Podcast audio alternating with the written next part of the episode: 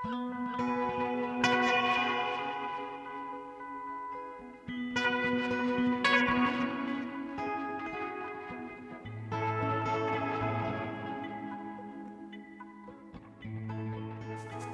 óður til hins stutta og John Coltrane.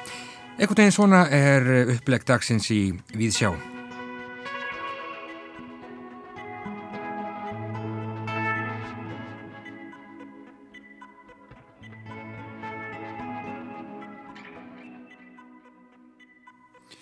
Tökum á móti Margreti Tryggvadóttur en bók hennar Kjarval, málarinn sem að fór sínar eigin leiðir, kom út á dögunum en bókin er ætlað að nýtast allri fjölskyldunni til að kanna myndveröld og lífslaup Jóhannessar Sveinssonar Kjarval.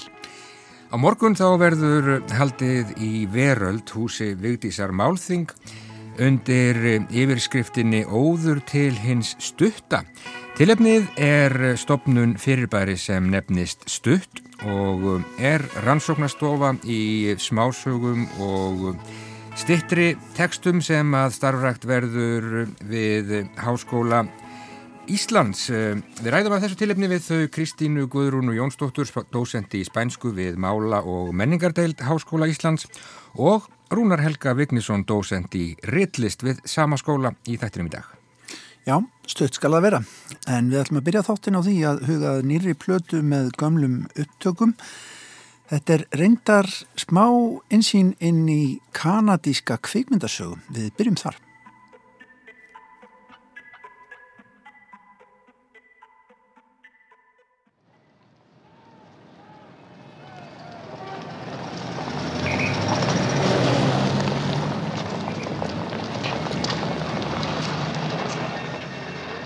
Voudrais pas devenir cet homme social. Parce que plus la société lui impose des contraintes, plus il s'éloigne de l'être humain. Maður nefndur Sheil Grú, fættur árið 1931 en dáin 1994. Hann fættist inn í verkamanna fjölskyldu 1.14 sístkina í Montreal í Kanada. Hann laði fyrir sig viðskiptanám sem aftur var til þess að hann áttaði sig á því að skrifstofulífið væri ekkert fyrir sig. Grú ákvaða að gerast intellektual og listaspýra og fór að gera 8mm kvikmyndir sem aftur skilið honum starfi fyrir kanadíska útvarfið CBC og síðar vann hann hjá kvikmyndaráði Kanada þegar hinn svo kallaða Candid Eye reyfing var að koma til sögunar þar í landi. Þar var á ferðinni reynskilin kvikmyndagerð undir áhrifum frá ljósmyndarnum Henri Cartier-Bresson. Sjálfur gerði Grú í fyrstu myndir í anda mannfræðinar. Auga kveikmyndagerðamannsins var ætlað að vera sem hlutlausast, mikið vegt að leggja ekki dóm á umfjöllunar efnið. Hann fyldist með lífinu í afskektum byggðum Kanada, sem auðvitað er kappnóg af, eða forvitnilegum karakterum í stuttum heimildamindum sínum sem engu lögu. Það var segjan árið 1964 sem að Grú tók upp annars konar kveikmyndagerð, pólitískari og félagsleiri, en fyrir slík tök er hann þekktastur í samhengi kanadískra kveikmynda. Myndirnar voru leiknar og svo fyrsta, Köttur í sekk, fjallaðum það að fullornast, standa frammi fyrir erfiðum pólitískum valkostum í lífinu. Ámaður að reyna að breyta samfélaginu sem maður býr í eða sætta sig einfallega við orðin hlut átta sig á því hver skrítnir hlutirnir eru í raun og veru. Strákurinn í myndinni, aðalpersonan, er með miklar áhyggjur af þessum pólitísku umbrótum í lífi sínu, en stelpan, kærastan, ekki. Þetta veldur spennu í sambandinu og ástinn fölnar fyrir vikið.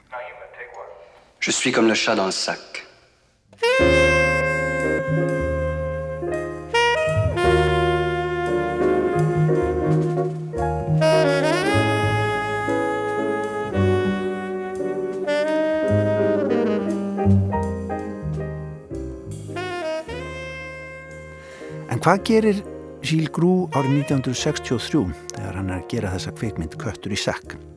Þegar kemur að því að búa til tónlist fyrir hann. Jú, hann tekur upp síman og ringir í vinsinn til að retta málum.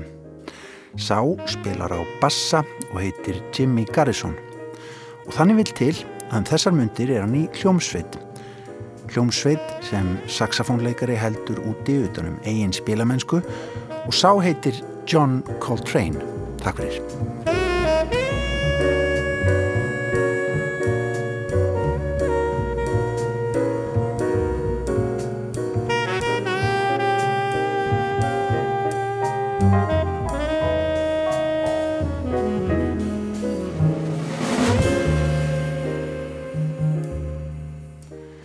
Þannig kemur það til að á Jónsmessu árið 1964 fer hljómsveitinn sem síðar hefur kallast klassíski kvartetinn hans Johns Coltrane í hljóðverð til að taka upp tónlist fyrir þessa tilrunakjöndu kanadísku mynd Köttur í sekk.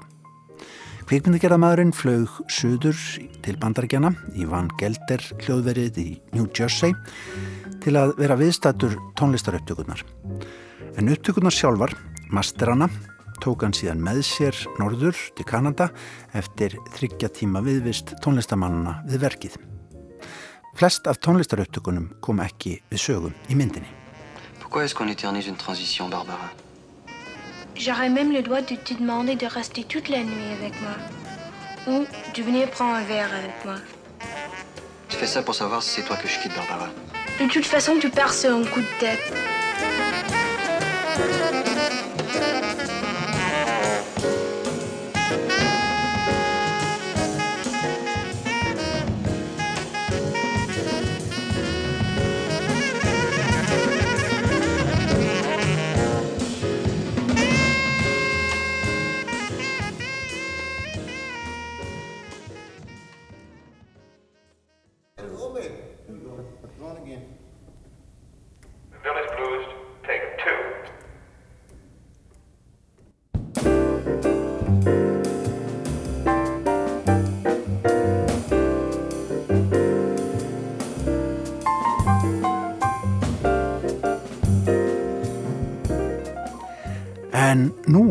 Loksins árið 2019, eru upptökurnar komnar út á plödu sem heitir Blue World.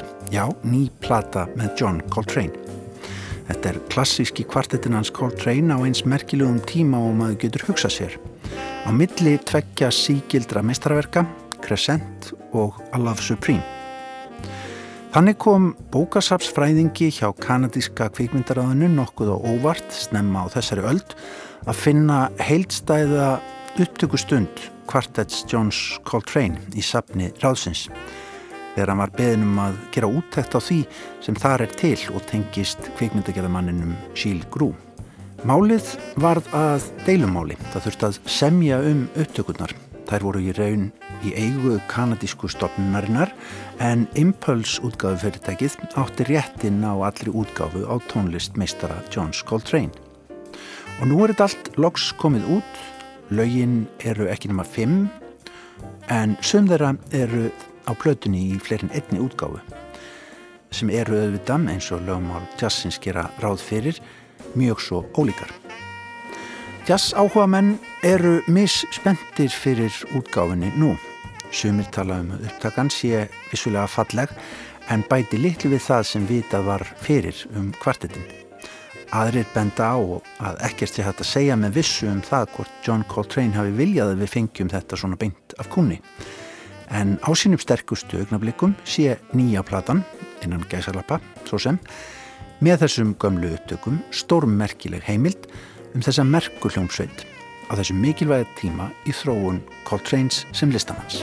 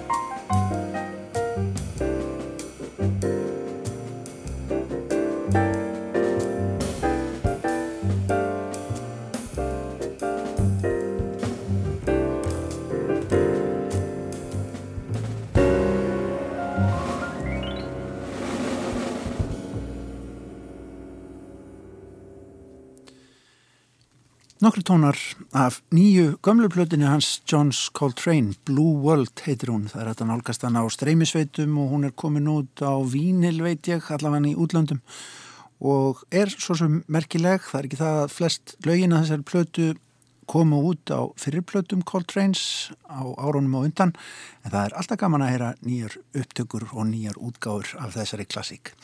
En þá ætlum við að bregða okkur vestur á meila.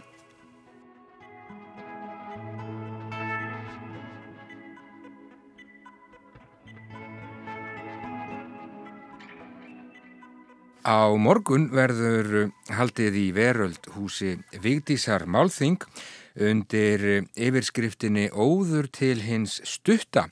Tilefnið er stopnun fyrirbæri sem að nefnist stutt og uh, er rannsóknastofa í smásögum og stittri tekstum sem starfrækt verður við Háskóla Íslands. Rannsóknastofan verður vettangur fyrir já rannsóknir, þýðingar og miðlun á smásögum og stittri tekstum fyrir fræðimenn og þýðendur úr ólíkum áttum. Á málþinginu á morgun verður stofan kynnt og haldin verða stutt erindi um fjölbreytileika smásögunar og ættinga hennar innanland sem utan einning verður lesið upp úr frumsömdum og þýttum verkum.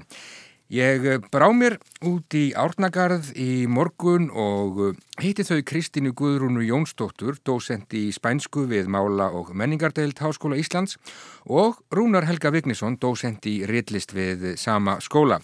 En þau taka bæði þátt í málþinginu í veröld á morgun og koma að stopnun rannsóknastofu í smásögum og stittri tekstum. Já, eins og saðir, við erum að reyna að koma hinn um stuttu formum, smásögunni og alls konar svona öðru, öðrum stittri formum, svona að heiðra þau mm -hmm. og dagskráin á morgun er svona, já, bæði alvarleg og skemmtileg. Þetta er svona hálkið skemmtið dagskrá til þess að halda upp á að við erum búin að stopna þessa stofu. Um, Rúnar, þið hafið náttúrulega verið yðin við, við kólan, þið hafið til dæmis verið að gefa út uh, þessar bækur, smásugur heimsins sem eru bækur sem að, ég veit ekki hvað eru, eru orðan margar, uh, en þetta eru bækur sem að heldur betur opna, opna glugga. Já, jú, það er einmitt það sem við erum að reyna að opna glugga og stækka heiminum, Aha. heldur því nú fram í formóla þessum bókum að, að þeir sem að hérna þeir sem að lesi í öll bindin en verði ekki samir eftir heimsmyndu þeirra verði breytt. Þannig að já, við höfum sko verið að leggja okkar að mörgum til þess að koma þessu formi og framfæri hérna. Ég, ég og, og við öll sáum að því við höfum öll kent smásugun og þessi stýttri form og þar sáum við fljóta að mörg af meistaraverkum þessara forma hafa mm hafa leið óbætt hjá gardi og ekki verið þýtt á íslensku. Kristján Karlsson gerði vel hérna fyrir allmörgum áratugum Já, þegar hann gaf út sabrit. Og hérna við hefum nú reyndar aðeins kingað kolli til hans verka á því sviði En sem sagt sko, ég, þetta eru mikið til höfund, höfundar og sögur sem að hafa ekki sérst hér á landi, þessi höfundanöfn og við erum sérst núna búin að gefa út þrjú bindi og fjórða bindi er nýfari í prentun og það er Afrika sem að kemur þá út eitthvað tíman í mánuðunum og það eru nú mörg höfundanöfn sem að fólk kannast ekkert við. Já, nákvæmlega. En hvað hérna, hvað nákvæmlega ætlið að gera í, í, í, í rannsóknastofu í smásögum og, og styrtri tekstum? Sko það sem okkur langar að gera að um, skapa vettvang fyrir rannsóknir og þýðingar og miðlun á smásögum og alls konar stýttir í textum líka fyrir fræðimenn og þýðendur úr ólíkum áttum. Og það hefur verið þannig að við í, í mála og menningadeild höfum, margi kennarnir þar, höfum verið að kenna smásögur og við höfum oft talað um hvað er gaman að gera eitthvað saman en við erum öll að vinna hvert á sínu tungumálinu. Já. Og svo eins og Rúna Helgi saði er fólki í Íslensku menningadeild sem hefur að sinna smásögunni í Íslenskunni, almennu bókmyndum og rítlistinni og við höfum oft talað um það hvað verið gaman að samina allasa krafta. Og það er nú hluti af þessari stofu að samina krafta innan háskólans og líka utan. Að, og skapa vettvang uh, fyrir rannsóknin eins og ég sagði uh, ekki bara á smásögum, heldur líka alls konar stittri formum mm -hmm. Og hvað eru þessi stittri form? Og þar eh, til dæmis eru það örsögur og alls konar gömul form, eh, miðalda eins og eksempla eða fabulur, uh, ævintýri, þjóðsögur, Anekdótur, anekdótur, um, essagur. essagjur, strengleika, alls kynst uttateksta Einmitt. uh, og þarna skapast vettvangur til þess að skoða þetta og það, það hafa verið freka takmarkað rannsóknir á þessu og umræða um þetta hér á landi þannig að við erum að bæta úr því Já. eða reyna að gera tilraun til þess Nákvæmlega. Má kannski bæta því við að það hefur heldur ekkert verið allt of mikið um rannsóknir erlendis Nei. á þessum formum sko. Ég held ég hef kent smásagnarfræði og fjallað mikið um, um smásöguna og hérna ég held ég eigi hálfa hillu af fræði bókum, það er nú ekki mikið meira um smásöguna, það er náttúrulega búið, búið að skrifa margar hillur af bókum um, um skaldsöguna sem er auðvitað aðal formið en þá sko, smásagan er alltaf litla sýstirinn en, uh, en hjá, og verður það kannski eitthvað áfram en samt finnst mér uh, nú hafa aðeins verið að opnast meira fyrir þessi form á undanfjöldnum árum og það eru kannski margar ástæður fyrir því. Sem er ungir höfundar eru farnir að fá aðtekli út á, út á þessi stýttri form en kannski tímarnir sem við lifum á þessi röðu tímar og það er nú oft nefnt þessi klísja sko að við, við ættum þá að kannski ætti, ætti smásagan að henda nútíma fólki vel er þetta að lesa eina sögu fyrir svefnin en svo má líka benda á sagt, þróun í miðlum miðlun sem að hefur, hefur orðið mjög hröðu undanfjörnum áratöfum og, og reitlistin er svona hægt og hægt að reyna að bregðast við því með ýmsum hætti og einlegin er til sem að að stýtta formin til, þess að hendi sko sem hérna tölvutæk form. Já, það ég held að lesa þau á skjá og örsagan til dæmis og smáprósin henda vel og sem virt bókmentatímaritt í bandarækjunum eru farin að efna til samkeppni um bestu tístin, skilur. Þannig að tístið er líka orðið af bókmentaformi. Það er svona aðeins meiri áhersla finnst mér á stuttuforminu og maður sér það líka að maður fyrir svona á reillistaþing erlendis að það er málstofur um þessi stittri form eru fullar. Já. Já. En mér langar líka að taka fram að stittri formi þau hafi verið mjög vinsæl í Rómösku Ameríku alla síðustu öld Já. og við þurfum að kynna okkur betur það og koma því á framfæri hér. Um, Þetta er náttúrulega rosalega rík hefð og, og, margir bara af helstu höfundum, já, síðustu aldar og, og fyrr náttúrulega glýmdu við þessi stittri form, ég nefni nú bara Frans Kafka til dæmis, Robert Walser, Tjekkov var náttúrulega meistari smásögunar til dæmis, um, þannig að þetta er svona jarðvegur sem að manni, stittri form eru svona kannski, ég veit ekki hvernig maður að orða þetta er eitthvað svona gróðurhús sem að margt, margt sprettur upp af. Já, jú, við sjáum til dæmis hvaða áhrif Kafka hefur haft á heimsbókmettirna með sínum stuttu formum. Já. Með myndur að ræða um það, sko, hversu gríðarlega áhrif hann hefur haft á rómunsku höfundana, sko. Maður sér það mjög, og Tjekov, hann er nú oftast nær bara nefndur í tengslum við leikrit. Já, hann er sennilega besti smásagnahöfundur allra tíma. Já, hann er einn af þeim bestu, hann er náttúrulega mjög mikilvægur að því hann kemur með nýja tegund af smásögu Já. inn sko sem byggir miklu meira á sirpu af hughrifum heldur en einhverju atbyrðar og svo gerist oft mjög lítið persóna lappa bara um stofun og kannski fram á klósett oft í sögunum hans eitthvað svo leiðis þannig að það er áherslan ekki á atbyrðar og svona þannig að hann kemur hann kemur hann fyrstur, einna fyrstur til að koma með þessa smásagna gerð sem að hefur síðan rutt sér til rúms og haft gríðarlega áhrif á höfum- höfunda um allan heim. Já, þeir eru með ansið góða tilvittnun utan á einni bókinni ykkar, smásögur heimsins, þar vitnið þið í enska réttöfundin Níl Gæman sem að segir að skrifa smásögur eins og að sína töfrabröð í návíi nokkur þúsund orð fara með mann í ferðalag um alheimin eða kremja hjartað. Þetta er gott. Já, það er sko, kannski má segja að smásan hefur tilnýjingu til þess að, að við tökum þetta kranta hjarta, að fjalla svolítið mikið um smælingjan. Já. Smásan er svona á þessi stittri form og ótti viðbrað við því sem er einhvern veginn hjartanu næst sem að fólk er að glíma við og það er oft þá erfileikar. Já. Við sjáum það í Rómunsku Ameríku hvað það eru sko. Margar sögurna þar fjalla um alls konar erfileika sko stríð og, og einræðisherra og, og hérna fátækt og, og þetta sjáum við í fleiri heimsálfum. Þannig að það er eins og sko smælingin sé alltaf mjög einhvern veginn nálagt höfundi smásögunar og hún hendi vel veginn til þess að taka utanum og kristalla svona, já, eitthvað, eitthvað sem að, hérna, eitthvað erfiðleika sem fólk klými við, hvort það eru sálrænir eða stafa af einhverjum ytri aðstæðum. Já, nákvæmlega. Þess vegna kannski er, finnst sumum daldi erfitt að lesa smásögur vegna þess að það eru stuttar en það eru mjög krefjandi margar og það já, ganga nærri manni. Daldi, ganga nærri manni og reyna daldi svona á tilfinningarnar, tilfinningarlífið. En nú tala menn uh, þessa dagana um grósku í ljóðlist á Íslandi. Hvernig er með þessi uh, smarri form ykkar? Er, hafið tilfinningu fyrir því að þetta sé svona, já það sé, uh, það sé margir að fást, fást við þetta? Já, það er, jú, jú, sko, það er, ef þú tala við mig sem kennir hýllist, sko, þá er þetta náttúrulega eitt af grunnformónum hérna í, í rýðlistanámanu og mm -hmm. það fara lang flestir af okkar nefndum fara í gegnum smásagnaskrif eða örsagnaskrif, einhver svona stittri form. Já.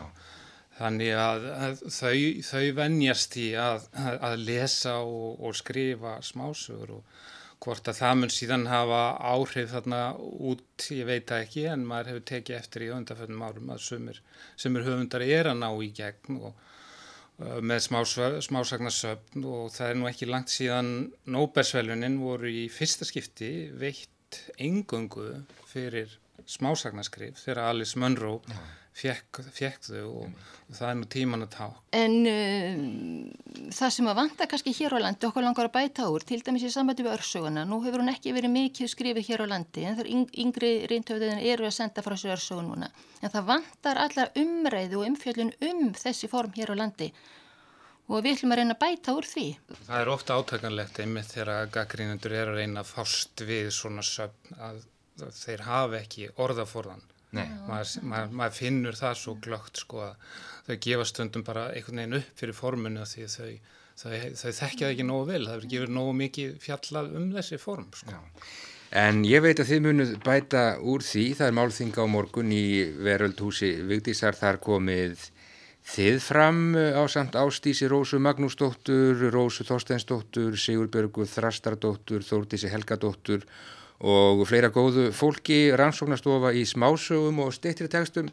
Hún er orðin að veruleika, þetta er mjög gott mál, ég segi bara takk hella fyrir spjallið Rúnar Helgi Vignesson og Kristín Guðrún Jónsdóttir. Gangi ykkur vel að breyða út, út fagnar erindi hins stutta. Takk. Já, takk fyrir. Já, óður til hins stutta, málþingi veröldhúsi, vigdísar klukkan halv fimm á morgun. Það verður að stopna rannsóknastofu í smásögum og stittri tekstum og hún verður starfrækt við Háskóla Íslands. Þarna ætla menn að já, búa til vettvang fyrir rannsóknir þýðingar og, og miðlun á smásögum og stittri tekstum fyrir fræðimenn og þýðendur úr ólíkum áttum. En hérna kemur lag.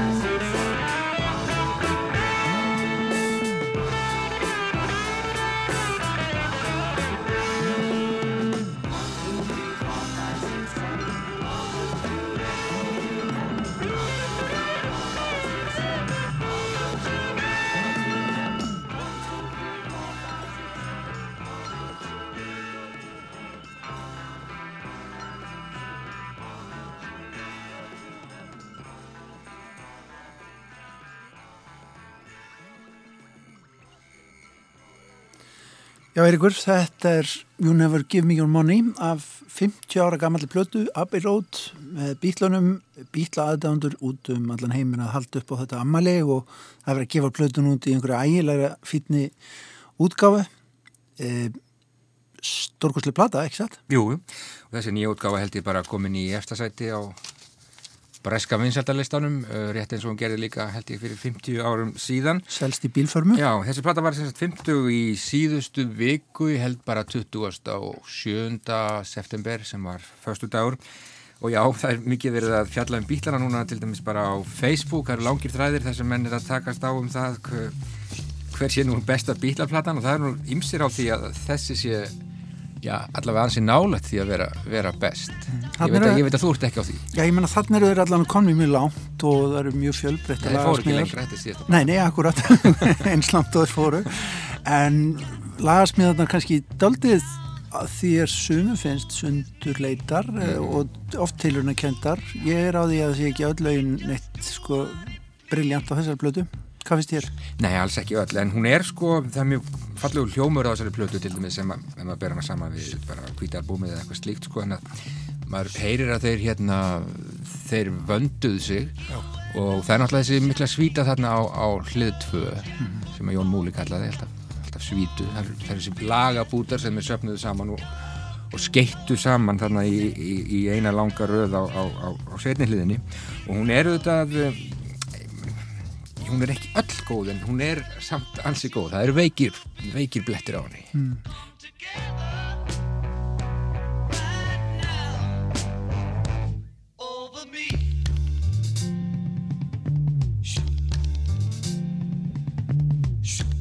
Það er félagskapurinn á vefnum en á Facebook sem heitir Bíklarnir eru bestir.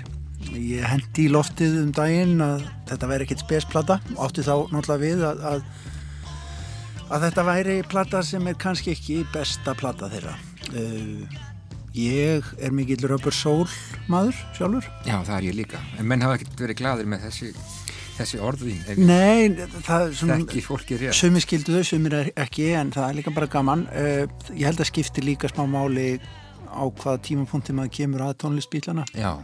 Ég, ég menna, ég gerir það náttúrulega eftir að hljónstunni hægt sko, en, en þarna voru þarna voru vissulega lágarðar sem að hérna, áttu sér lengri sögu með þessari músík, komu að skilu það. Það er náttúrulega allt annað. Þegar þetta er algjört nýmeti. Já, já. nákvæmlega, það skiptir máli hvernig maður heyri, heyriði þessari bílaplötur fyrst. Og bílarni eða tónlist bílana er nú einhvern veginn þannig að hún höfðar mjög stert til tilmanns þegar maður er bara lítill puti það er eitthvað það er eitthvað element í þessari tónlist sem að held ég að heillar, heillar krakka ekki síst og þú minnist á Röpur Sól sem var plata sem ég heyrði fyrst bara held ég 12 ára gammal og, og hún hefur alltaf verið mín sko mm. síðan. Samála. Já. En fáum annar lag af Amalis gripnum. Já, gerum það. Hvað veljum við? Við veljum bara lag af hlið 2, við veljum Because held ég. Á, fallet. Heldur betur.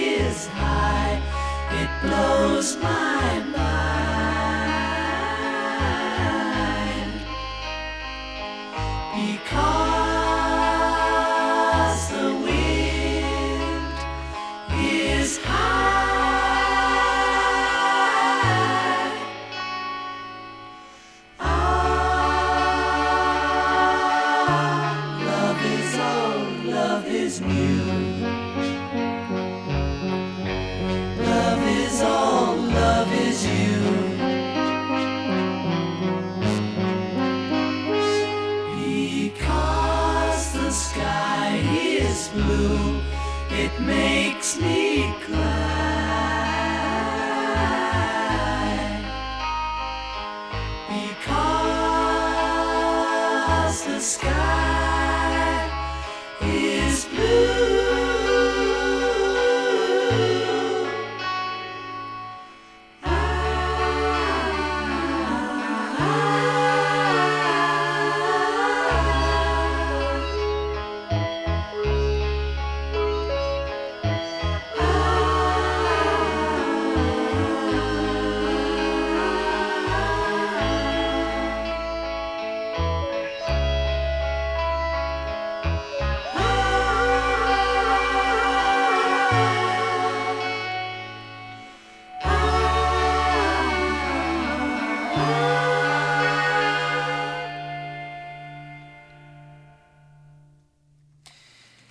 Because lag eftir John Lennon um, innblásið af Tunskins sónótu Beethoven's Yoko Ono var vist að spila hana.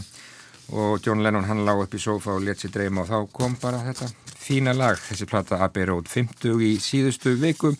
Og já komin út luxusútgáfa sem að er held í rókin upp í fyrsta sætti á breska vinsatalistunum en þá að myndlist og bókaútgáfa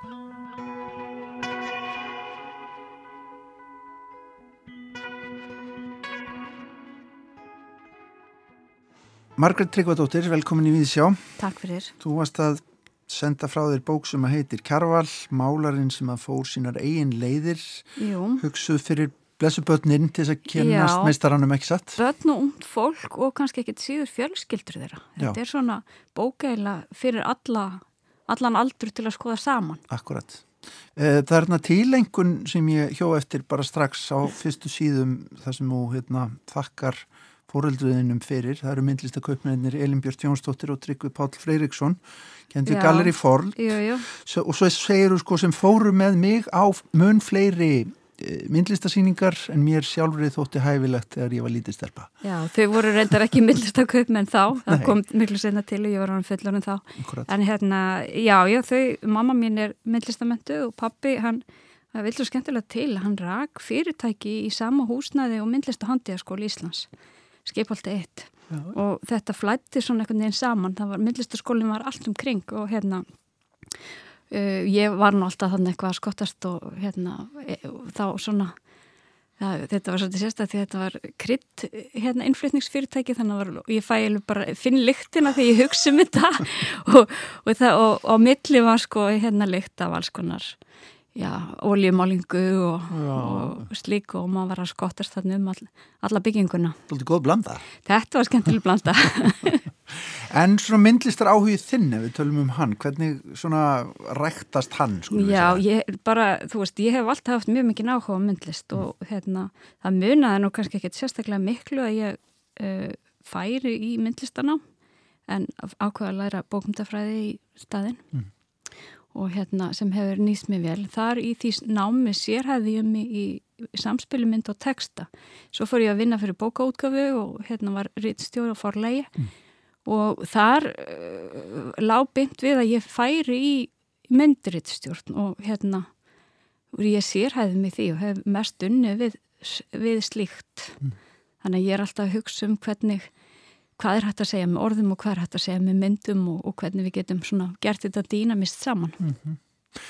Þetta er engin smá myndheimur auðvitað. Þetta er uh, það. Arleð Kjarvals og hægt að fara inn í hann gerir maður áfyrir bara mjög svona alls konar máta.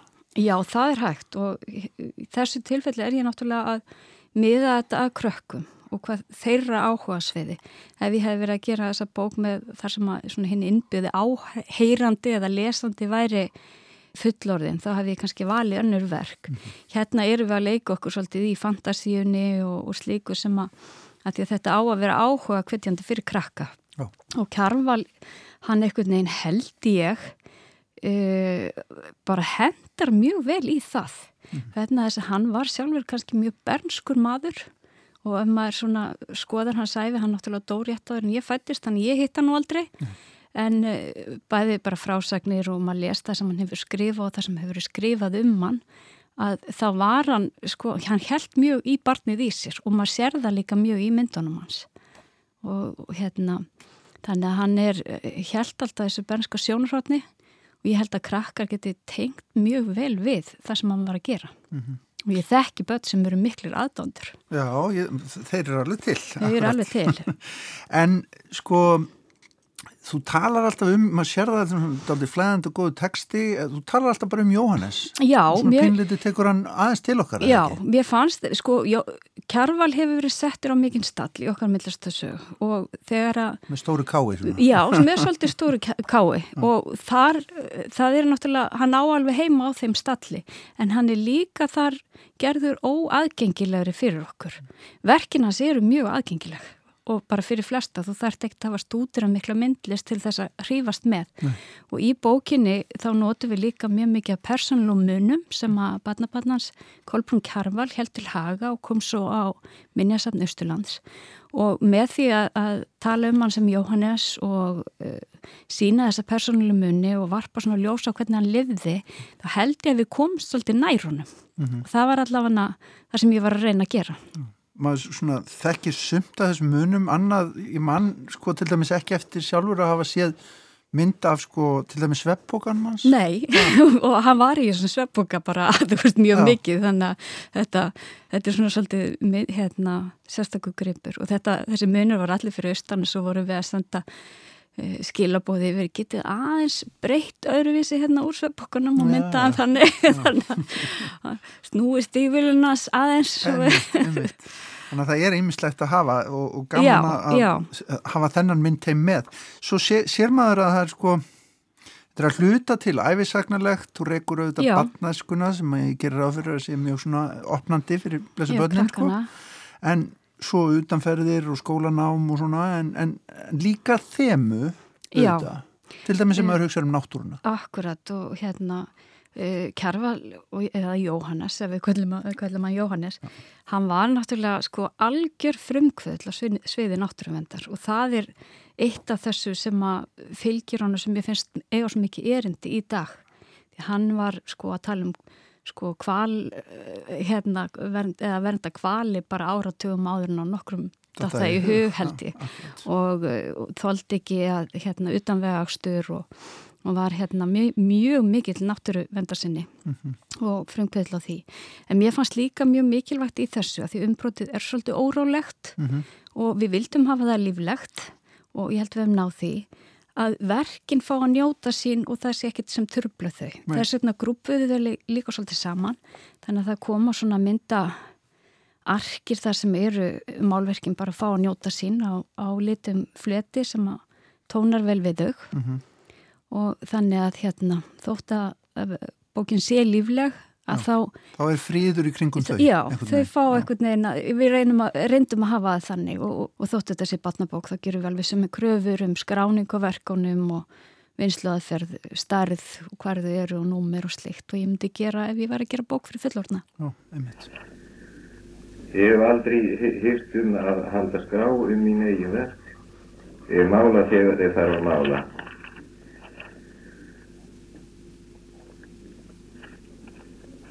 Og þegar mér langar til að mála og þegar eitthvað ytra tilefni gerst til þess og það er aðalatriðin ekki hitt hvað er málverkin verður ef einhverju fyrir málverkin falleg eða skrítin eða skemmtileg þá er það gott. Og þeim er þá velkomin að fá þau heitt eða lágmið eða gefin en þeim er líka velkomin að láta það vera að fá þau. Sko það er hérna kaplið sem heitir hlutverk listamannsins uh, það er kannski sumir pínlítið Já, hvað maður segja? Þetta er lokaður heimur fyrir mörgum, myndlistinn. Þetta er það. Allt, stundum aðeins og lokaður. Það eru auðvitað verið að reyna að opna hann alltaf. Já, já, en þetta er líka sko á tímum þar sem að sko hann hafði ekki fyrirmyndir. Nei. Og og það finnst mér svo eh, magnað í hans sögu að hann er fættur 1885 og hann, þegar hann er að alast upp eh, fyrst í mikill í fættat og svo fyrir hann í fóstur eh, það er, þú veist, þetta er algjörlega myndlös heimur og við, nútíma fólki, við getum alltaf, sko, við skiljum þetta ekki, við erum náttúrulega með stöðugt flæði í símónum og það eru myndrannar auglýsingar út um allt og, og auðvitað listaferk líka mm -hmm. en að hafa þessa óbúslega djúpið þrá mm -hmm. til þess að skapa og búa til sin eigin myndheim þegar maður býr í algjörlega myndlega sem heimi, það finnst mér svo magnað mm. að því að yfirleitt náttúrulega sjáum við fyrirmyndir af því sem við viljum gera en hann hafði þær bara í raun ekki. Sko það er náttúrulega annar þráður í listan sem eru auðvitað bara eiginlega borlegjandi að reyna að lífka við, það er þessi allir, allar þessar kynjóttu verur sem að mm. byrtast í myndum hans. Uh, og það er auðvitað þetta er frábær efnum viður fyrir, fyrir krakkar en að nálgast ekki satt. Þetta eru margar myndir hans eru svona hálkjara félagmyndir og já. þú getur alltaf séð nýjar verur eða Fleiri og fleiri andlit. Já, fleiri og fleiri andlit eða þræðir sem tengja á ólíka verur þannig að það er e, mjög heitlandi og skemmtilegt fyrir krakka og bara eiginlega alla að skoða verkinans vel. Mm. Þurfum við að hafa ágjur á því að svona halda honum á lífi? Svona sem um, í lifandi í vitund nýra kynnslóða? Það eru náttúrulega margir að hérna, í því verkefni listasandur Reykjavíkur náttúrulega heldur út í heilu sapn tilengaðunum og, og uh, hann eru þetta sko af þeim frumkvölum í íslenskri myndlist þá er hann, hans nafn þekktast Akkurat. en ég held að, að hérna það sé alltaf tilefni til þess að svona aðeins að hrist upp í hlutunum. Og dösta rikið af honum og líka bara varpa nýju ljósi á því að hver tími þarf sitt sjónarhort og þess vegna þurfum við kannski alltaf að vera að, að búa til bækur. Og það hefur náttúrulega verið tölvöld skrifað um kjárval en ekkit fyrir þennan aldurshóp mm og uh, margt sem hefur verið skrifað er algjörlega frábært en er kannski ekki aðgengilegt fyrir svona venjulegt fólk sem að vil kynna sér málinn vel á einu, kvöld, einu kvöldstund eða slíkt. Mm -hmm. Það er annarkvært kannski mjög stórar og miklar bækur eða uh, bækur sem eru kannski svolítið gamlar og brendar öðru sjónrótni. Þú vilt sjá fyrir þér svona, já, alvöru kvöldstund hjá, hjá fjölskyldinni þar sem að flettir í gegnum þetta og rætt fram og tilbaka saman. Já, mér finnst gaman að bókum sem að geta verið eh, sem, sagt, sem hver og einn getur tekið hann á sínum fórsendum og þarna erum við auðvitað með stuttamyndateksta, við erum með lengri samfélgdanteksta og sumir og jáfnvel yngstabötni getur bara látið sér döga að skoða myndirnar og fengi samt heilmikið út úr verkinu. Og þannig að hérna þarna, eða allavega markmið mitt var að reyna að búa til bók sem fólk getur svona á mismunandi aldri og þróskaskeiði svolítið saminast um að skoða mm -hmm. og komið að án þess að hérna, allir þurft að vera á sama pallinum. Mm -hmm. Og átt að segja á því hvernig svona maður verður til í gerðum nekla lífsbaróttu og eins og þú segir kemur úr myndlusum heimi og verður síðan þetta, já Já, dál til stopnun bara. Já, já, já, og góðsögn. Og, og það, hefði, það er líka annars, sko, það hefði verið mjög öðvöld að búa til uh, bók um mann sem var bara trúður. Já. Og það kannski hefði verið freistand að gera batnabók þannig að því að hann var náttúrulega alltaf eitthvað að sprella. En já. mig langaði ekki að gera það. Mig langaði að sína mynd sem væri dýpri og það, ég skinnja mjög mikinn harm í hans lífi líka og mér finnst mjög mikilvægt að koma því að Takk kærlega fyrir komina í vísja og fyrir að segja okkur frá Kjærval, málarnum sem fór sína eigin leiðir, Margret. Kæra takkir. En eiginlega verður það nú að tala hér inn í þetta ekki mjög langt í burtu til að heyrist í þér. Heyrist allt sem þér segir líka? Heyrist allt sem ég segir líka. Já, það er hugulegt. Já. Ef allt kemst svo upp sem við segjum. Heldur það? Heldur við ekki verið orðvarist til þess að gefa góða fyrirmynd? Nei. Eða eftirbreytni? Nei, ég held ekki. Við erum mjög óorðvarir. Það eru svo margir orðvarir. Já, við erum mjög óorðvarir. Alveg í talinu. Jú, það er nú það sem, það sem æskilegast væri, já. Þeir eru miklu hærri og meiri núna heldur en þegar ég sá þeir um út á göttundaginn. Var það? Þeir eru aðurvísi klættur, þeir eru stekkað mikið síðan. Alltaf sé ekki fötinn? Nei, nei, það er eitthvað annað. Já, já. Ég held að sé þessi salur, hans Jóns Þorstinssonar. Kannski það. Hann gerir mér nefnilega meiri þessi salur Það er svo vitt til veggja og lofs og vitt til veggja og byrsta begja megin. Já. Góð byrsti. Hvernig finnst þér þessu salvi? Mér finnst það mjög, mjög skemmtilegur. Það er gott að halda síningu hér, er það ekki? Ágætt, ágætt. Já, ágætt. Þú haldið hér síningu? Ég hef gert það. Já. Hann hefur lánað mér salvi nokkur sumur. Já. Bara svona fyrir kunninga mína og til vinnu. Ég hef nokkið með einu sinni held ég haldið ofinbæra síningu hérna. Minnst fórst einu sinni ég haldið fyrir, fyrir alla. Já. Svemi Kjærval, hversu? Nú er ég orðin leiður á að halda síningu, ofinbæra síningu. Það trubla svo mikið bæjarlífið. Finnst þér það? Já, mér finnst það trubla bæjarlífið. Og mikil sefjun og fólk eru ofglatt yfir því sem maður gerir, koma of margir mm. og það, það setur á mikil, uh, það, það er eins og, eins og hérna, já, hvernig ná maður að koma orðum að því, hvernig ná maður að segja svona laga. Nei, nú vilja nú flestir fá margt fólk, er það ekki?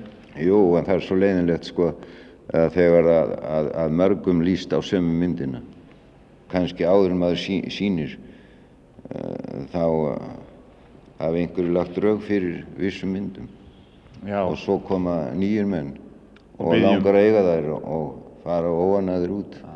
yfir kannski að geta ekki fengið þær bæða fjárhagsástæðum og og af uh, seinagánsinteressum að þeir hefur ekki konur inn á þetta mm. sko að, að vera með í þessu Nei.